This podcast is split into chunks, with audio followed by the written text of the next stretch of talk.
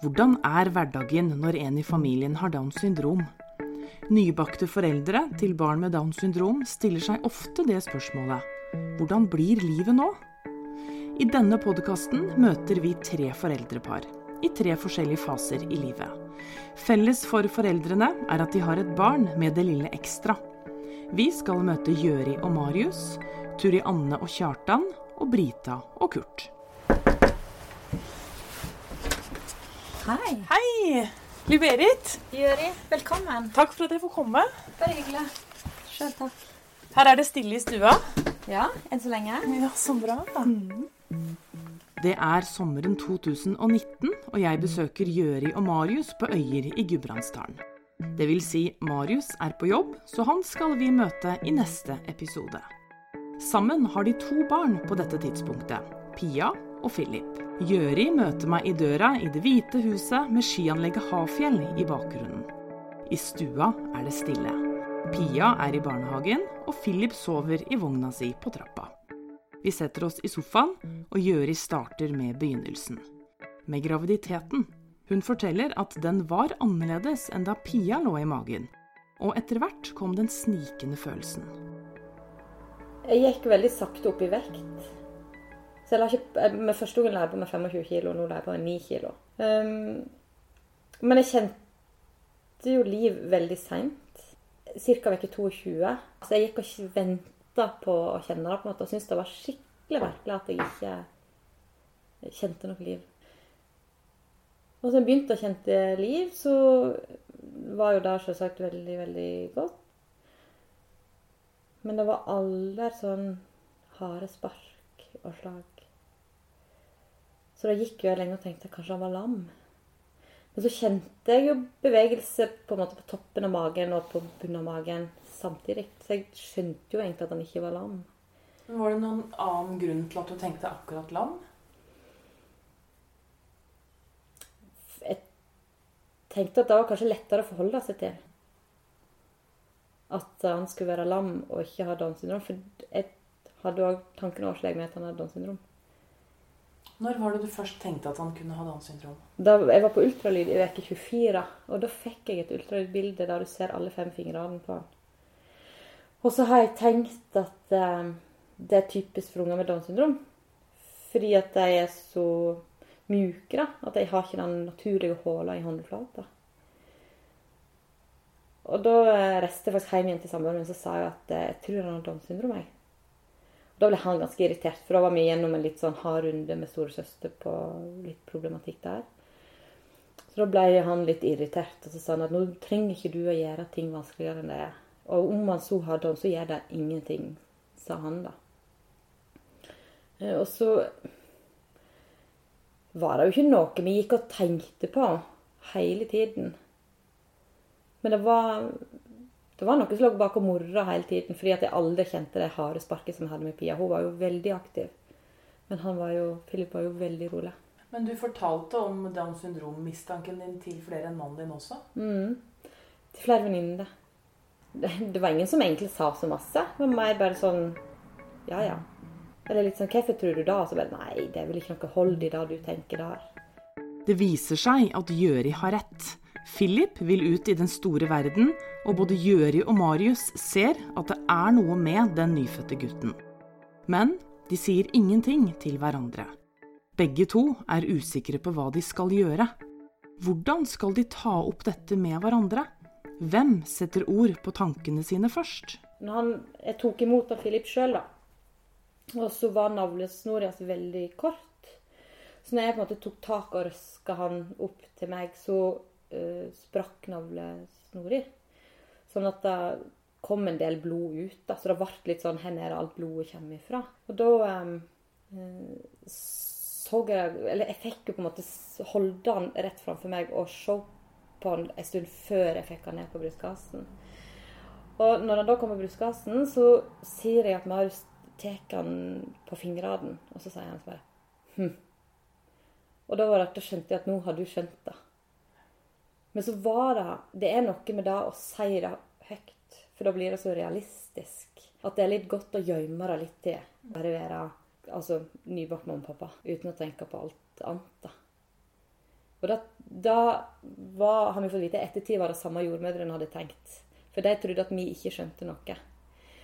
Og de tenkte da at vi skulle få lov til å ha den nybakte foreldrefølelsen en stund før de sa noe, og da muligens gi oss en mulighet til å se det sjøl.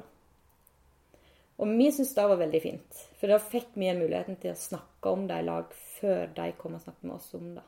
Husker du hvordan den første, første gangen en av dere sa Mm. Downs syndrom til hverandre? Hva var situasjonen? Nei, for da Hun eh, ene jordmora hun var veldig opptatt av at hun ville passe på han på natta. Så når det var gått et par timer så etter jeg var født, så sier jo at eh, nå kan jeg passe på han jeg litt, så kan dere få sove og hente krefter. Og, og så er jeg litt sånn Neimen, jeg er ikke noe sliten. Så jeg trenger ikke Jeg kan ha han her, jeg, liksom. Og så Ja, men det er så stille og rolig her, og jeg skal bare sitte og lese Se og Hør. Det hadde vært så koselig hvis jeg kunne fått lov til å passe på han. Og da skjønte jeg egentlig at hun ville nok undersøke han litt. Og så sa jeg at ja, hvis jeg får to Paracet av deg, så kan du få lov til å få den. Greit. Det er greit. Og da fikk jeg det, og så sovna jeg, og så våkna jeg etter halv sju. Og da kjente jeg jeg ble sånn Nå må jeg hente han. Nå må jeg han inn til meg. Så da gikk jeg bare og henta han. Og når jeg da kommer inn med han, så setter jeg meg på senga, og så sier jeg til Marius og så sier at da sier du sånn at Downs syndrom. Og da tror jeg Marius bare letta ti kilo og bare Ja, da syns jeg òg. Og så tror jeg Jeg husker ikke alt i, i rekkefølge i forhold til hvem som sa hva, men da sa jeg til han Snur meg til Marius og sier 'Herregud, så heldig han er som er kommet til oss'. Så fint. Og så tror, jeg, så tror jeg egentlig at vi ikke tenkte så mye før vi liksom Vi begynte ikke å grine med en gang, men du blir litt satt ut, da. Og så Marius var veldig sånn der, jeg har lege og tenkt så på hva jeg skal si dette til deg, for han hadde ikke skjønt at jeg hadde skjønt det. Så han hadde kvidd seg så til å være den som skulle seire, da. Men vi snakket om det. La oss satt i senga og snakket om det i 20-30 minutter, så kom det jordmor inn og satte seg ned. Og hun var veldig, sånn, veldig forsiktig og veldig tok han opp. Og 'gratulerer så mye med en kjempefin gutt', og 'han virka frisk', og 'men' Og så sa hun da at vi eh, tror kanskje han kan ha Downs syndrom. Og da sa jeg Marius at akkurat, vi har akkurat snakka om det. Så da tror mye. og da så jeg at hun ble kjempeletta. At hun ble litt sånn OK, Hvordan var samtalen videre? kjempefin. Når vi på en måte legger all vår frustrasjon over til, til deg, og så tar de imot den. Jeg tror det var en av grunnene til at samboeren min klarte å bearbeide alt så fort. At han følte at han hadde bearbeidet alt på sykehuset. For det var veldig naturlig da de kom inn for å bare nettshow eller spørre om det gikk bra, så ble det veldig naturlig og liksom bare Jeg var veldig sånn der busete. Jeg syns dette er skikkelig dritt. Og da var de på der med en gang. Om de så ble sittende i 20 minutter og prate med oss. Det var ikke sånn 'nå må vi skunde oss til noen andre'. Hadde kjempegod tid. Jeg husker ikke alle samtaler, hvem, altså hva de har sagt, liksom. Det husker jeg ikke. Det eneste de sa, så jeg husker jeg angrer på at jeg ikke tok mer til meg, da var at han var frisk. Så nå er han nett som akkurat alle andre unger. Så behandler han som akkurat alle unger, og, og ikke bekymre deg så mye ennå. For at det er noe du er nødt til å gjøre seinere. Så nå må du bare nyte at han er frisk. Men det klarte jeg aldri å gjøre. Jeg hadde jo planlagt husbygging jeg, til han før, eh, før Lenge før vi var reist fra sykehuset. Jeg tenkte vi skal bygge på garasjen, så han kan bo der. Sammen med oss. Det som er litt morsomt, Når jeg forteller til folk, så spør alle meg Tror du han Philip har lyst til å bo med dere når han blir stor. Så kjenner jeg at sånn Ja, hvor, hvor ellers skal han bo? Da vi, prater, vi prater veldig mye om framtiden på sykehuset. Og litt sånn alt ifra barnehagestart, skolestart, videregående, innom venner. Altså bekymring for venner.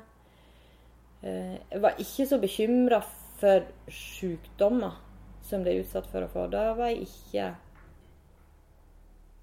på, på sykehuset. Det har kommet veldig i ettertid. Jeg hadde jo allerede gjennomført foreldremøte i hodet mitt. Så kommer familien hjem fra sykehuset. Dagene blir vanskelig for Gjøri. Alt går i motbakke. Det var ikke sånn det skulle bli. Jeg hadde jo gleda meg helt ekstremt til den barseltiden her. Det er bare jeg skal gå tur, jeg skal bare nyte hver eneste dag. Og så var jeg ute og tur, men jeg huska ikke turen jeg kom hjem igjen. Jeg klarte nesten ikke å hente i barnehagen. Jeg måtte sende Marius og hente i barnehagen, for jeg bare, da klarer jeg ikke. Jeg hadde veldig lett for å skylde på at jeg klarer ikke å forholde meg til det. Og da bare Nei, dette kan ikke jeg forholde meg til. Jeg gjør ikke det. Og jeg hadde virkelig sett for meg hva den barseltiden skulle bli. Og jeg skulle på kafé, jeg skulle besøke venninner og alt sånt. Og så ble det liksom Og det var veldig sårt å ikke få liksom det jeg hadde tenkt. Men hvorfor fikk du ikke det? Fordi at jeg følte jeg ble litt deprimert, egentlig. Når jeg gikk her inne, så gikk jeg liksom bare og tenkte på alt som skulle komme. Og ja, alt en ikke fikk, da. Alt han ikke vil få i livet, eller alt du ikke fikk ut av de dagene du hadde sett fram til? Begge deler. Og så veldig den der sorgen over å ikke få det som jeg, forventer, jeg har forventa. Og da har jeg faktisk alltid fortsatt. Faktisk. Jeg kan ofte gå og tenke Jeg lurer på hvordan Philip hadde vært hvis han ikke hadde dans. Og så er det ofte jeg tenker at jeg vil så gjerne ha Philip, men jeg vil ikke ha Downs syndrom. Og så må jeg forholde meg til det. Og da har jeg lyst til å si dette kan jeg ikke forholde meg til. Nå må noen bare ta Downs og gå. Noen vonde tanker får lov til å spire og gro inni oss mennesker. Det føles som de er for vonde til å slippe ut. Sånn var det også for Jøri. Hva ville folk si om hun delte sine innerste tanker? Tiden i samtaleterapi hjalp henne med å sette ord på de virkelig vanskelige tankene. Veldig den der sorgen over å ikke uh, få det som var forventa. Eh, altså, du sitter med en unge i fanget, og så føler du at du har mista en unge. Ja. Og det er litt sånn skummelt å snakke om. Mm, det skjønner jeg. Mm. Mens Marius fikk bearbeidet mange tanker på sykehuset, så var det fortsatt litt kaos hos Gjøri. Det kan være vanskelig for par å være på forskjellig sted i en følelse eller i en sorg. For Gjøri ble nettopp det redningen. Og så syns jeg det var veldig godt å kunne gå og prate med noen ufiltrert som kan si at jeg syns ikke det er noe rart at du reagerer på den måten du reagerer på. F.eks. at jeg, jeg var jo helt sjukt kontrollfrik i begynnelsen.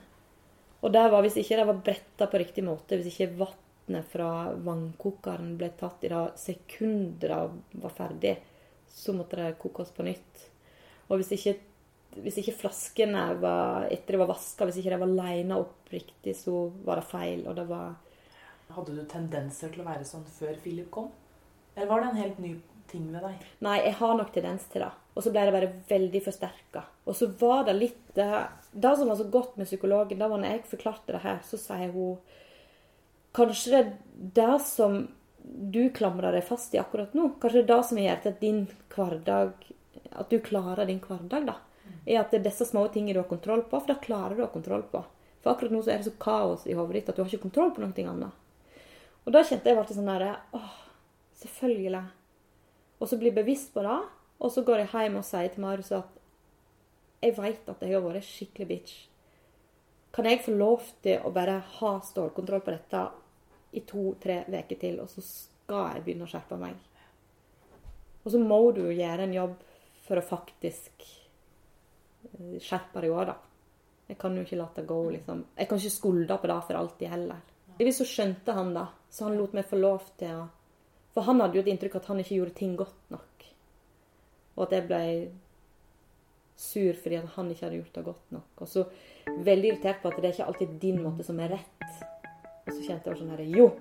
Men det er jo ikke det. Vi bærer alle på en bagasje. Som oftest synes den ikke, men tankene kan være tunge å bære likevel. Gjøri brukte mye krefter på hva andre tenkte om henne. Så de at Philip hadde Downs syndrom? Hva synes de egentlig om Gjøri? Og det var ikke alle dager det var like lett å bære syndromet som mamma. Det var litt delt. Det var litt etter dagsformen.